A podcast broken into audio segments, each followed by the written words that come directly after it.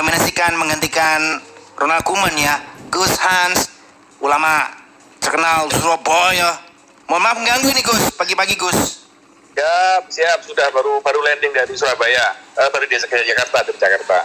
Sekarang Surabaya ini. Kalau orang terkenal enak ya, tiketnya hangus, segera dapat pesawat berikutnya menuju ke Surabaya. Enak sekali Anda ini ya. Hidup itu kan salam Sinawang. Oh ya. Sebelum ke Gimana, gimana? Gus, sebelum ke cerita Siap TikTok ya. dari Eh, Assalamualaikum semuanya para sana ya. Ya, ya, ya. Gimana gimana? Waalaikumsalam warahmatullahi wabarakatuh. Sebelum ke cerita luar biasa, GNA ini bikin satu terobosan baru yang ngajakin generasi muda semuanya yang masih ada keinginan untuk menjajal apa itu drugs, narkoba, mudah-mudahan enggak ya. Nauzubillah min dzalik. Aku mau nanya dulu ke jenengan ini santai aja, malam panjang ya. Siap. Weekend. Siap. Tadi sempat cerita nasi bungkus di daerah mana itu Gus yang Anda bikin status untuk teman-teman GNAN Gus? oh tadi ini apa namanya? Eh, nasi bungkus di daerah Kalideres Jakarta. Spesial buat Anda. Jadi mesti ya mestinya kan semalam terbang tapi karena hangus terjadinya akhirnya dapat pagi. Heeh. gitu tapi hikmahnya kan bisa subuh-subuh makan nasi uduk khas karena kan sudah lama udah tiga tahun hampir empat tahun nggak makan nasi Apa yang beda dengan nasi campur, nasi pecel yang Anda nikmati pagi ini di Jakarta itu?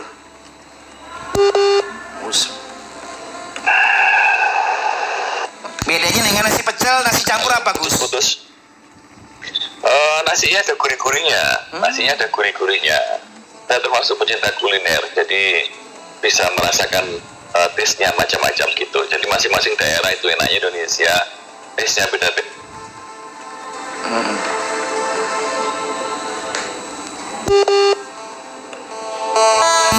di Indonesia Minumnya apa Gus? Nasi uduk tadi? Pasangannya? kalau kalau kalau itu ya teh hangat cocoknya Teh manis, teh tawar? teh manis hangat Waduh, waduh. cocoknya jos pokoknya subuh subuh itu makan itu 10 ribu dapat atau nggak boleh? 15 ribu? waduh nggak tahu tadi proposal langsung disiapin soalnya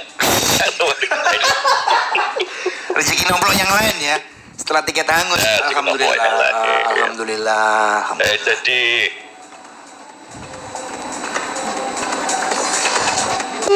Nah, kalau misalnya jatahnya jalahnya jadi kemarin tuh saya kan salah salah melihat jam karena saya asik di salah satu supermarket gitu. Karena melihat baju yang dari dulu saya incer-incer nggak diskon-diskon. Nah ternyata pada saat itu diskon saya milih agak lama. Nah karena milih agak lama akhirnya hanguslah tiket saya. Dan harga tiketnya itu adalah yang yang sisa diskon itu jadi seharga itu. Loh, kebetulan sekali. jadi ya waduh ini kalau nggak kalau rezeki ya ke mana gitu Iya, iya, iya, iya, iya. Satu ya, dikasih rezeki yang satu ya. Ada musibah tanda kutip. Malam ini ya pagi ini 9 Oktober saya ada keperluan minta waktu ke Gus Hans karena sesuatu yang buat saya urgent ya di tengah pandemi sekarang ini ternyata angka yang saya dengar-dengar ini masih cukup mengerikan. Mereka-mereka pengguna drugs narkoba Surabaya, Jawa Timur. Cerita langsung aja Gus untuk event teman-teman Ini, GNAN ini eh, terima TikTok. kasih. Ya, ya.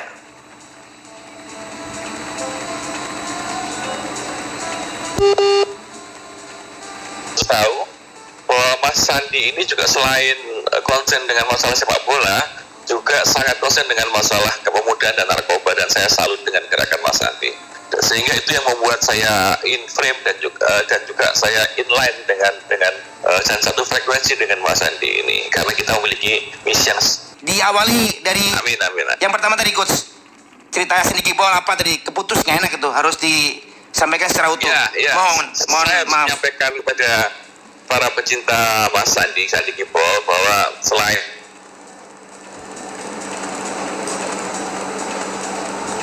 dengan masalah anti narkoba dan kepemudaan itu yang membuat saya apa namanya inline dan satu frekuensi dengan Mas Andi dan saya berharap semua orang yang terlibat dalam dunia apa namanya penyiaran dan sebagainya, public figure juga memiliki konsen yang sama seperti Mas Andi. Nah, ini yang apa namanya saya harapkan. Nah, saya ingin menyampaikan beberapa hal uh, uh, bahwa setelah pandemi ini, uh, insya Allah bisa jadi mudah-mudahan tidak. Ada dua buruk bagi anak-anak yang baru lahir dan ibu yang mengandung. Dan yang kedua adalah meningkatnya jumlah pengedar narkoba. Ah, Nah, artinya yang asalnya menjadi pengguna akan menjadi pengedar. Yang asalnya bekerja karena pengangguran akhirnya jadi pengedar. Nah, nyambung dengan yang tadi yang stunting itu, pada saat dua tahun ini kemarin mungkin dia menikah dan akhirnya punya anak, pas kena punya anak kena PHK dan juga kondisi pandemi, maka beli susu pun susah, beli maka beli susah akan berdampak kepada bayi yang stunting yang lahir tidak normal. Nah, itu juga dengan masalah narkoba yang kemarin biasanya masih bisa minta orang tua untuk berbohong kepada orang tua untuk beli narkoba. Orang tuanya juga kena PHK, akhirnya mau nggak mau dia bekerja menjadi Kurir. penjual narkoba. ya Allah. Nah ini yang akan berkembang setelah pandemi. Jadi maka kita harus concern sekarang. Nah kenapa saya menggunakan TikTok? Saya ingin mendekatkan MUI itu adalah bagian dari anak muda. Bukan MUI bukan hanya domainnya orang tua, tetapi MUI juga bagian dari orang muda. Dan juga segmentasi kita adalah segmentasi anak muda. Dan TikTok adalah menurut saya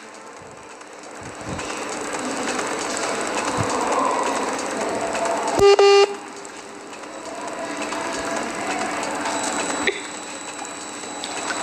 bisa juga untuk bisa bekerja apa namanya memotong daging bagi orang yang jual daging dan bermanfaat. Nah, sama halnya dengan TikTok. TikTok ini bisa menjadi sesuatu yang bermanfaat atau tidak tergantung kita mau masuk atau tidak.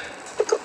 Nah, jadi kalau saya saya saya termasuk melihat eh, bahwa TikTok ini bukan sesuatu yang negatif, tetapi kita harus melihat TikTok competition yang dibikin teman-teman Ganas Anar MUI Jawa Timur. Lanjutkan Gus. Ya, jadi tadi saya ulangi sedikit tentang after pandemi ya. Jadi tadi saya sampaikan ini kita bikin kegiatan untuk mengantisipasi after pandemi. Jadi sesuatu yang mungkin bisa jadi setelah pandemi ini apa saja tadi yang saya katakan. Jadi di antaranya stunting dan meningkatnya pengedar narkoba dan pelakunya bisa anak-anak remaja. Nah, usia remaja ini yang harus kita eh, rawat bersama-sama. Maka kita menggunakan TikTok menjadi media yang pas karena karakter anak muda ini sudah TikTok banget. Artinya kalau dulu kita bicara bertele-tele, ceramah panjang-panjang satu jam dua jam, tetapi dengan TikTok ini dengan hanya 30 detik atau satu menit mereka sudah bisa merangkum semuanya dan bisa memberikan pemahaman kepada anak-anak. Artinya eh, masyarakat dan juga anak muda sekarang ini lebih cepat nangkepnya dan lebih ingin simple di dalam melihat segala sesuatunya. Maka kita harus ikutin bahasa mereka itu Mas Adi. Setuju sekali. 15 detik harus gali ide. Dari situ bismillahirrahmanirrahim ya. Karena kita niatannya dari hati, misi penyelamatan generasi muda, teman-teman milenial dan semuanya lah yang mungkin agak tua, yang sudah bau tanah, tapi masih mencoba untuk ya tadi Anda bilang ya di tengah pandemi seperti ini cari uang susah, wis gelap mata aja menjadi kurir dan yang lain kita coba ingetin bahwa itu berbahaya. Bikin melayang iya, tapi sebenarnya nyawamu melayang. Itu yang konkret saya katakan di sini Gus. Iya. Pasti. Iya. Ya, dan makanya saya tadi saya tekankan MUI itu bukan domainnya orang-orang tua saja, bukan orang-orang yang orang ambulan saja. Tahu ambulan maksudnya? Ambu itu ambulan tanah, orang yang bau tanah saja. Ya kan? Ya kan? Tetapi anak-anak muda juga berhak mendapatkan tentuan dari MUI. Karena anak-anak muda ini yang justru menentukan masa depan kita. Gitu. Gus, saya minta waktu agak panjang nggak apa-apa ya, mumpung ini sin- sinyalnya udah pakai yang asli dari MUI kayaknya. Anda terakhir bercerita di grup teman-teman GNAN ya, berada di sebuah kantor yang di situ urusannya sama narkoba. Konkretnya seperti apa? Hasil di situ diskusi panjang lebar yang mengerikan biar Gibol Susana yang dengerin program ini melek. Jangan pernah Anda ingin mencoba untuk dunia gelap itu. Sangat-sangat berbahaya. Hancur lebur. Kalau nggak nyisir dari sekarang. Silakan Gus. Jadi gini, itu adalah balas, kunjungan balasan setelah ketua BNNP kunjungan ke kantor ke ketua MUI. Nah kebetulan saya dan juga Mas Sandi ini kan juga aktif di dalam GNAE dan kebetulan saya dikasih amanah sebagai ketua, maka saya mendampingi dan melakukan kunjungan balasan kepada kepala BNAN Provinsi Jawa Timur. Di dalam pembicaraan itu kita sedang bicara berkaitan dengan kondisi yang ada di Jawa Timur dan apa yang diharapkan oleh pihak BNNP terhadap GNAN MUI Jatim. Nah berharap semua masyarakat terlibat semua permas semua permasalahan ini akan bisa terjawab dan juga dapat solusinya kalau semua bisa berjalan bersama-sama. Saya sampaikan bukan hanya BNNP yang bisa apa namanya tidak akan bisa BNNP ini menangani sendiri. Betul. Karena jumlah BNNP ini kan hanya berapa orang saja dan mereka kan stafnya sifatnya apa namanya pegawai negeri dan sebagainya. Maka perlu melibatkan seluruh masyarakat semuanya untuk bergerak bersama-sama. Yang bisa mengatasi masalah narkoba adalah semuanya, yaitu kebersamaan di antara kita. Kalau nggak ada kebersamaan, nggak ada kepedulian bersama, nggak akan bisa terjadi. Gitu. Itu Mas Andi. Mm-mm, mm-mm. Nah, dari kunjungan ke Badan Narkotika Jawa Timur, salah satu yang Anda dengar di situ menjadi data terupdate apa ini tentang pemakai, eh, kurir dan segala macam. Mungkin ada temuan-temuan baru yang itu menjadi referensi dari teman-teman GNAN, Gus, disampaikan Gus. Ya, yang jelas apa namanya masih banyak kasus di wilayah Jawa Timur terutama terutama di Madura. Hmm, hmm. dan memang banyak keluhan-keluhan di Madura itu eh, melibatkan para apa istilahnya ya eh, preman-preman gitu atau klebun-klebun yang selama ini eh, merasa bahwa penggunaan narkoba menjadi hal-hal yang sifatnya wajar saja. Apalagi banyak sekali barang-barang masuk di Madura itu melalui pantai. Jadi semua kan dikelilingi pantai Madura itu kan tidak mungkin semuanya dijaga oleh polisi. Nah itu pintu masuknya bahan dasarnya dari pantai dan diolah di Madura dan disebarkan ke mana saja. Nah ini yang menjadi PR bagi kita semuanya. Dan kita punya kota besar Surabaya dan juga kita punya wilayah yang uh, boleh dikatakan sebagai produsen narkoba beberapa hari yang lalu alhamdulillah juga ber- teman-teman polisi berhasil menangkap para pelaku-pelaku itu. Tapi tetap saja jumlahnya masih jauh lebih banyak pengedarnya daripada yang sudah terta- tertangkap gitu. Itu yang yang yang sudah tersampaikan pada saat diskusi itu. Maka dari itu menginspirasi ya sudah. Kalau GNAN ini tidak akan masuk ke wilayah yudikatif dan juga mungkin tidak sedikit eh, tidak banyak bermasuk sentuhan dengan masalah kuratif kita lebih banyak kepada masalah promotif dan preventif. Yaitu pencegahan. Maka kita diskusi terbatas pada wilayah pencegahan. Pencegahan itu saja. Nah kalau tadi kemarin minta dari pihak B, NNP mohon nanti BN apa eh, MUI mengeluarkan fatwa haram dan sebagainya saya bilang kalau fatwa haram insya Allah saya akan cek pasti sudah ada dari MUI tetapi yang kita hadapi sekarang ini adalah orang yang tidak begitu firm dengan agama dengan ajaran agama. Kalau kita sentuh-sentuh dengan murni agama dia nggak akan masuk gitu. Maka kita perlu Ya. sentuhan yang lain walaupun tujuan akhirnya pada perintah agama gitu. Nah ini namanya apa namanya kita melakukan sentuhan kan bisa dengan cara hal dan dengan dengan cara yang soft kan begitu. Nah, saya memilih cara yang soft, saya memilih jalan yang halus, tetapi lama-lama bisa mengena. Walaupun lemahnya tidak bisa directly gitu. Tapi saya berharap dengan pelannya itu bisa permanen daripada directly, tapi tiba-tiba belum sampai ke hatinya, suatu saat ada trigger lagi, ada apa, ada potensi untuk bisa menggunakan lagi, dia akan menggunakan lagi. Saya ulangi Gus, mumpung tadi spontanitas ya saya menyampaikan buah pemikiran bagaimana ngerespon bahaya narkoba untuk lingkungan kita ya minimal. Sandy hanya bilang mungkin Anda ngerasa menggunakan barang tersebut tujuannya untuk melayang. Harusnya lebih lengkap ya. Lebih jelas, lebih detail ada tulisan yang Anda mesti ketahui. Bukan melayang, yang benar nyawamu melayang. Ya, Ini ada cerita juga dikasih teman-teman disabilitas yang selalu serius membahas masalah-masalah di luar sepak bola. Go Green, kalau Anda bawa cerita narkoba, sahabat kita Nomo membagi catatan per 2018 nih Gus. Gus Hans bisa merespon nanti ya. Per 2018 survei BNN ya, juga Lembaga Ilmu Pengetahuan Indonesia LIPI menunjukkan 2,3 juta pelajar mahasiswa Indonesia pernah mengkonsumsi drugs narkoba. Angka itu setara dengan 3,2 persen dari populasi kelompok tersebut. Mengerikan. BNN LIPI tidak menjelaskan metode survei secara rinci dan waktu pelaksanaan survei. Penggunaan narkoba di kalangan pelajar juga jadi persoalan di skala global. What's Drugs Reports 2018 ya, punyanya The United Nations Office on Drugs and Crime menemukan 5,6 persen penduduk dunia 5,6 persen penduduk dunia atau 275 orang tentang usia 15 hingga 64 tahun pernah memakai narkoba minimal sekali.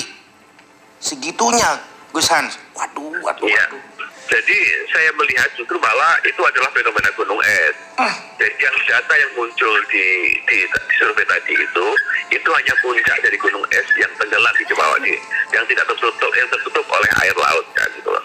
Jadi uh, bukti uh, faktanya bisa jadi lebih banyak daripada yang tercatat tersebut betul gitu. ini kan 2018 setuju tiga tahun Iya. sekarang seperti apa ngeri ngeri Ya, ya. Nah permasalahannya kenapa kok kita kuasai narkoba? Karena satu satu pengguna narkoba itu bisa mengganggu banyak orang di sekitarnya, ya kan? Mohon maaf kalau misalnya mungkin kita punya punya satu orang yang sakit satu gitu kan ya. Paling yang terganggu kan yang sekitar itu saja. Hanya tiga empat orang lima orang sudah selesai. Tapi kalau narkoba itu dia nanti bisa nyolong, dia bisa mukul orang, dia bisa apa namanya ganggu orang, dia bisa mengganggu ekonomi keluarga dan sebagainya. Nah, dampak sampingannya itu yang berbahaya gitu. Itu yang membuat kita harus concern gitu. Ngomongin konsen Gus, ditambahkan sama nomor menterai sahabat kita disabilitas, momennya pas ya. Berhubungan dengan jelang Hari Santri 22 Oktober. Ini juga satu satu kelompok besar ya di Indonesia. Anda juga sangat dekat dengan teman-teman santri di banyak pondok pesantren. Sejauh ini gimana kalau Anda cerita tentang pondok pesantren Gus? Masuk nggak ini? Bahaya drugs Gus. Waduh. Waduh, saya saya sampaikan terus terang kepada BNNP. Kebetulan misalnya di tempat saya sendiri misalnya ada santri sekitar 11 ribu. Apakah saya bisa menjamin bahwa santri saya 11 ribu itu apa namanya ada beberapa yang tidak kena, ya kan? hmm. Bisa saja, karena memang pesantren itu kadang-kadang kan campur dengan masyarakat sekitar. Pesantren tidak eksklusif kan, kita kita inklusif dengan masyarakat. Uh, ambient itu yang harus kita tanam bersama-sama, begitu. Suasana itu yang atau atmosfer itu yang harus kita bangun bersama-sama. Kalau atmosfernya rusak, maka bisa akan mempengaruhi apa yang ada di dalam, begitu. Nah, maka uh, santri ini juga harus kita jaga. Apalagi sekarang ini kan temanya santri sehat jiwa raga kalau nggak salah ya. Nah itu temanya dari santri sekarang. Uh, ini bisa saya saya menjadi uh, Pak menjadi berharap betul kepada komunitas santri bisa menjadi betul-betul uh, pahlawan bagi masyarakat sekitarnya yang kira-kira bisa memberikan dampak baik untuk memberikan influence pengaruh kepada masyarakat yang bukan santri Hmm. dan menunjukkan identitasnya sebagai santri bahwa santri harus bisa lebih baik daripada yang lain. Mm-mm, mm-mm. Balik ke isu utama Sandy Gibol siang hari ini ya. Nggak kerasa udah mendekati pukul 11. Ada sesuatu yang istimewa disiapin teman-teman GNAN MUI Jawa Timur. TikTok video competition. Jelasin Gus Hans, siapa tahu yang dengerin program ini hobinya juga selalu ya cari materi untuk TikTok. Ini diarahkan ke yang lebih positif, menyelamatkan generasi. Harus konsen ke perang terhadap narkoba. Hadiahnya, wih, menggiurkan lagi, jutaan rupiah. Sampaikan Gus. Ya, jadi gini para pencinta Mas Sandi Kibol, pendengar Susana, saya berharap eh, kegiatan lomba TikTok ini bisa memberikan manfaat buat kita semuanya. Jadi lomba ini tentunya adalah munculkan kreativitas dalam bentuk apa saja. Bisa ceramah singkat, bisa dengan gerakan, bisa dengan puisi, bisa dengan drama, bisa dengan apa, tapi cukup dengan 30 detik atau 60 menit, 60 detik dan itu bisa uh, menjadi inspirasi bagi yang lain dan bisa mengingatkan teman yang lain untuk tidak menggunakan narkoba. Dan ini saya yakin uh, akan banyak diikuti oleh anak-anak remaja karena memang uh, selama ini TikTok kan sudah menjadi bagian dari anak remaja begitu. Nah hadiahnya lumayan lah, alhamdulillah ada beberapa juta yang sudah kita berikan kepada mereka dan si saya atau panitia tidak membatasi kreativitas apa pun. Yang penting dalam koridor kesopanan itu saja. Tidak mengandung unsur sara, kekerasan, pornografi, boleh memakai bahasa daerah kecuali bagian tema. Ya. Video sangat kreatif, ditunggu. Luwes malah dicari. Jenaka harus wajib memfollow akun TikTok. Nah, ini yang harus dijelasin lagi ya. Ya, ya, ya. Wajib memfollow akun TikTok GNAN underscore MUI underscore Jatim. Begitu ya, Coach? Betul. Dan saya malah berharap ini malah followernya Mas Andi banyak yang ikut yang pecinta sepak bola yang dibikin TikTok di lapangan sepak bola, kebersamaan dan sebagainya. Saya ini mikirnya gini, kalau seumpama orang-orang anak remaja disibukkan dengan sepak bola, disibukkan dengan kesupporteran, disibukkan dengan dunia kreativitas, mungkin lupa ngurus narkoba. Jamin. Jadi mungkin banyak orang-orang yang tidak tidak sadar betapa besarnya jasa seorang Sandi ini bisa membuat kesibukan anak-anak remaja itu berpikir hal yang positif gitu. Orang-orang berpikir negatif bukan karena nggak punya kesibukan dan karena nggak punya hobi dan karena tidak ada yang mengarahkan. Mm-mm. Saya tambahkan ini, Gus, maaf, saya potong. Saya tambahkan wajib memfollow akun TikTok GNAN, GNAN underscore MUI underscore Jatim. Catatan yang lain ya untuk syarat ketentuan, karya mesti orisinil, bukan plagiarisme atau repost, bukan. Terus keputusan juri tidak dapat diganggu gugat. Panitia memiliki hak publikasi seluruh peserta. Tagline-nya di sini jauhi narkoba sekarang juga untuk generasi muda yang lebih baik. Luar biasa. 10 Oktober sampai dengan 30 November. Ini kaitannya dengan Hari Pahlawan.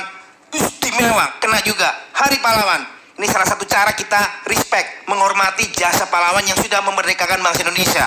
Wow. Ini saya kasih bocoran ini, saya kasih bocoran ke para pem- para pendengar Tutana ini.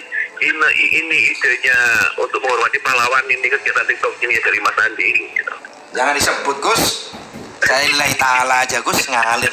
Saya umur umur sudah seperti ini kalau nggak boleh sanggup kapan lagi ya kan? Itu kan yang saya singkat dari PSM. PSM pemahaman sanggup mati. Kalau nggak sekarang cari apa? Hidup sangat singkat. Hidup sangat singkat. Sangat singkat. Ya, betul betul mantap mantap. Ya. Terus Kita butuh- semalam di grup WhatsApp-nya GNAN ada cerita baru apa untuk bahan obrolan kita hari ini Gus? Disuruh semuanya eh, pasang Ya, profil WA dan lain-lain. Profil profil WA-nya dipasangin kegiatan kita, betul, ya kan? Ya. Biar semuanya apa namanya eh, nyebar lah begitu. Banyak- Makin banyak yang partisipasi kan makin baik begitu. Gitu. Di sini kan yang lebih khusus bukan persentasenya banyak. Itu sedikit banyak membuat ya, membuat orang sadar, mengingatkan sebagai teguran singkat. Begitu ya, Gus? Sederhananya, teguran singkat ngiling no wong ojo nyoba-nyoba gawe narkoba. Itu Ya, aja. Itu goalnya, itu goalnya. Kalau TikTok itu kan hanya wasilahnya saja. Ya, ya, ya. Ya, itu goalnya adalah gimana caranya para pengguna calon calon pengguna narkoba yang akan menggunakan narkoba batal men- mengurungkan niatnya untuk menggunakan narkoba. Dan yang sudah bisa menjadi sadar dan ingatlah bahwa ini bisa membuat kita melayang nyawanya, bukan melayang melayang keplay, tapi melayang nyawa kita. Hmm. Saya ulangi lagi. Program ini Anda barusan join dengan guest 5 menit lagi sudah pukul 11 Saya lagi minta memakin dengan Gus Hans Di tokoh yang sangat dekat dengan para ulama Aku disebut ulama, enggak lah Gus Kibol Dan MUI kan, kalau MUI Sandi MUI itu mirip ulama Indonesia. gitu. Oh ya ya ya Saya ulangi ya. Ini ikutan TikToknya 10 Oktober Terakhir 30 November. Hadiahnya jutaan rupiah. Tema video ya. Jadwal on drugs. Durasi maksimal 1 menit 60 detik. Video tidak mengandung unsur sara Kekerasan pornografi. Boleh menggunakan bahasa daerah kecuali bagian tema. Terus yang kelima Video diwajibkan harus kreatif Luwes Jinaga Wajib memfollow akun TikTok GNAN underscore MUI underscore Jatim Nomor tujuh ini ketentuannya ya. Karya harus orisinal, bukan plagiarisme atau repost. Yang kedelapan, keputusan juri nggak dapat diganggu gugat. Terakhir, panitia memiliki hak publikasi seluruh peserta. Berarti startnya besok ini tanggal 10 Bismillah banyak yang ikut Bismillah ini bisa mengurangi ya mengurangi peluang mereka-mereka di mana pun untuk menjajal drugs. Tambahannya Gus sebagai penutup Gus sebagai penutup, mudah-mudahan apa yang kita lakukan ini memberikan dampak yang sangat positif dan berdampak kepada penurunan penggunaan narkoba yang ada di Jawa Timur. Dan mudah-mudahan apa yang kita lakukan bisa menjadi catatan bagi amal-amal kita Amin. menjadi sah mati. Ya, eh, PSM ya, apa namanya PSM? PSM pemahaman sanggup mati harus Nah, itu itu intinya kita itu. Kita sekarang ini yang ngapain-ngapain saja kalau tidak punya PSM susah itu kita nanti. itu. iya iya iya iya iya. Jadi kalau misalnya eh, Pak Mas Andi nanya apa kata closing statementnya PSM sudah itu saja. nilai 10 itu. Itu itu gol gol terindah sepanjang nggak tahu Piala Dunia eh, Liga Champion. Terima kasih waktunya hari ini. Sehat terus. Sehat terus. sukses untuk event TikToknya dari teman-teman Genain Gus. Ya, salam buat seluruh pecinta acara eh, Mas Andi Kipol dan seluruh pendengar Susana. yes yes yes happy weekend assalamualaikum siang hari ini Waalaikumsalam warahmatullahi wabarakatuh.